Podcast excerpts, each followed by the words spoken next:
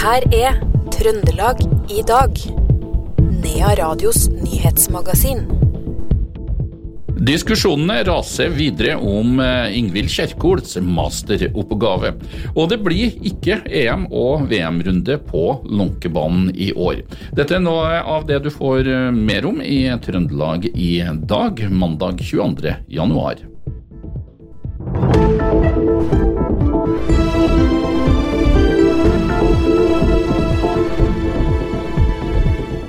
Og vi starter med Ingvild Kjerkol, helseministeren, og hennes påståtte forskningsjuks i en masteroppgave. Nå i ettermiddag så melder Dagens Næringsliv om funn av tre nye eksempler på tekstlikhet i oppgaven. Opp eksemplene er henta fra oppgavens drøftingsdel. Disse har eh, nesten eller helt samme ordlyd som andres oppsummeringer, skriver Dagens Næringsliv. Eksemplene har også mangelfull kilde henvisning. Dagens Næringsliv har spurt Kjerkol om de nye eksemplene, og helseministeren svarer følgende via mail. Når det gjelder metode- og teoribeskrivelsene, så har vi brukt samme metode som tidligere oppgaver og gått til de samme primærkildene og brukt samme kildehenvisning, sier hun. Og det er uenighet blant fagpersoner rundt eh, helseministerens masteroppgave. Ekspertene er uenige. Gisle Selnes, professor i litteraturvitenskap ved Universitetet i Bergen og ekspert på tekstlikhet, sier til Dagbladet at Kjerkols forklaring ikke holder vann, og at det ikke gir mening.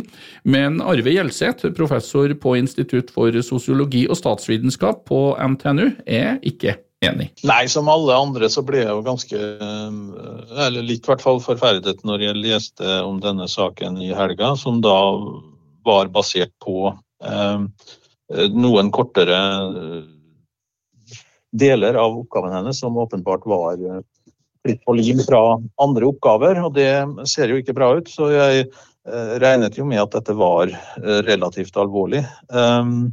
Nå har da Thomas Laudal i Stavanger, som har, han har tatt seg bryet med å lese gjennom hele oppgaven ganske grundig, og han kjenner også dette fagfeltet. Og hans konklusjon er vel at dette er eh, slurv, men at det ikke preger oppgaven som sådan, og at det utgjør en liten del av oppgaven. Eh, så jeg vil vel si at det er mer sannsynlig at dette er eh, slurv og dårlig håndverk og for mye hastverk før levering, enn det er snakk om bevisst forskningsjuks. Er denne saken blåst litt ut av proporsjoner?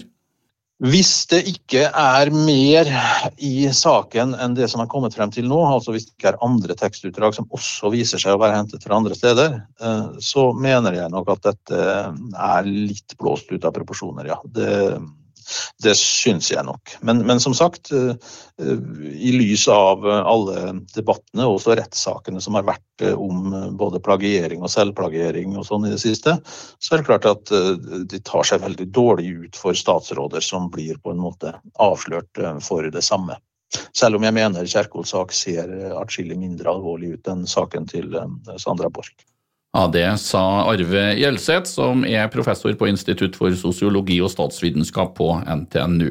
Og Nord universitetet har starta arbeidet med å vurdere hvordan denne saken rundt helseministerens masteroppgave skal behandles. Det skriver kommunikasjonssjef Andreas Førde ved Nord universitetet i en pressemelding. 13 personer står bak et omfattende varsel mot restauranten Bare blåbær på Solsiden, det skriver Nidaros. I varselet så fremsetter de involverte krass kritikk til ledelsen og gir flere ledere skylda for et arbeidsmiljø prega av psykisk og seksuell trakassering, samt manglende opplæring og brudd på taushetsplikt. Etter et tilsyn i mai i fjor påla Arbeidstilsynet bedrifter å rette opp i en rekke forhold etter å ha funnet flere brudd på arbeidsmiljøloven. Daglig leder og eneeier i Bare Blåbær, Eirik Furseth, har fått forelagt all kritikk samt varselet som ble sendt til Arbeidstilsynet. Han forteller at bedriften tar tilsynet på alvor, og at de beste evne har svart og etterspurt dokumentasjon i saken. Han er også forundra over at avisa Nidaros har fått innsyn i en pågående tilsynssak som Arbeidstilsynet har unntatt offentlighet, og ønsker derfor ikke å kommentere saken ytterligere.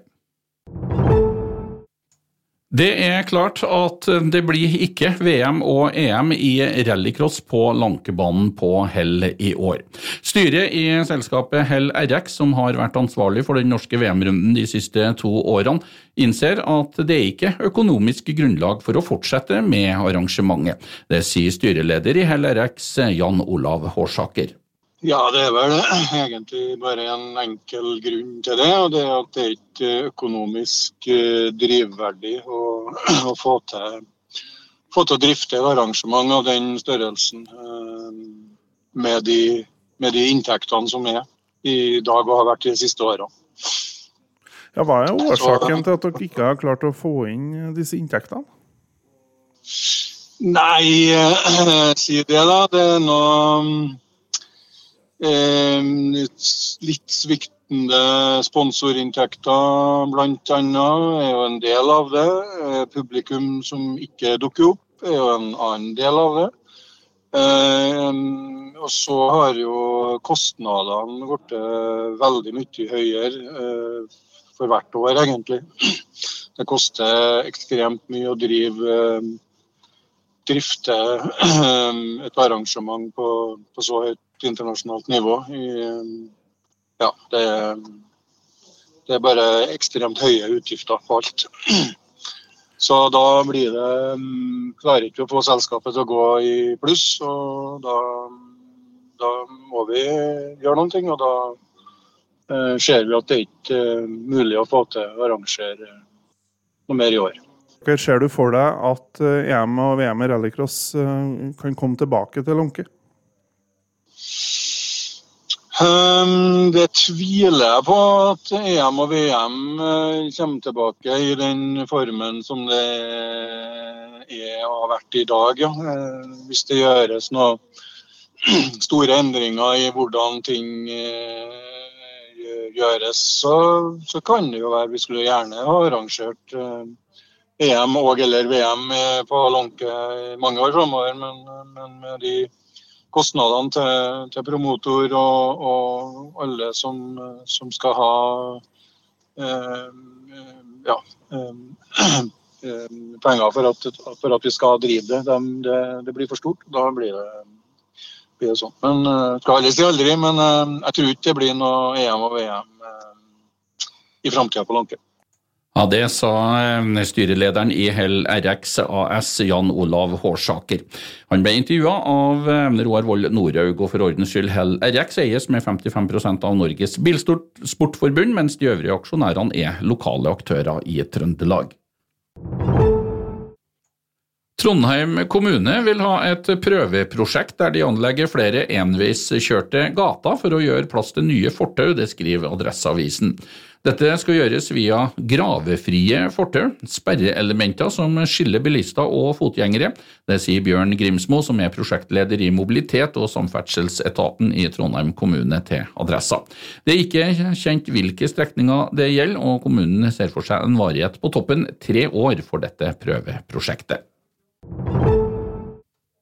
Været det har gjort fullstendig helomvending den siste dagen, eller det siste døgnet. Meteorologisk institutt har nå sendt ut farevarsel om holke, som gjelder fra i kveld og ut på dagen i morgen tirsdag. Det er lokal fare for is pga. regn som fryser på kald bakke. Såkalt underkjørt regn og overgang til mildvær, dermed lokalt vanskelige kjøreforhold.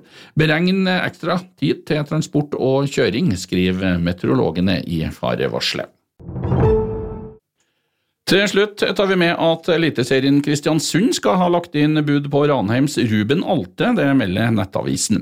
Også Stabæk skal ha vist interesse.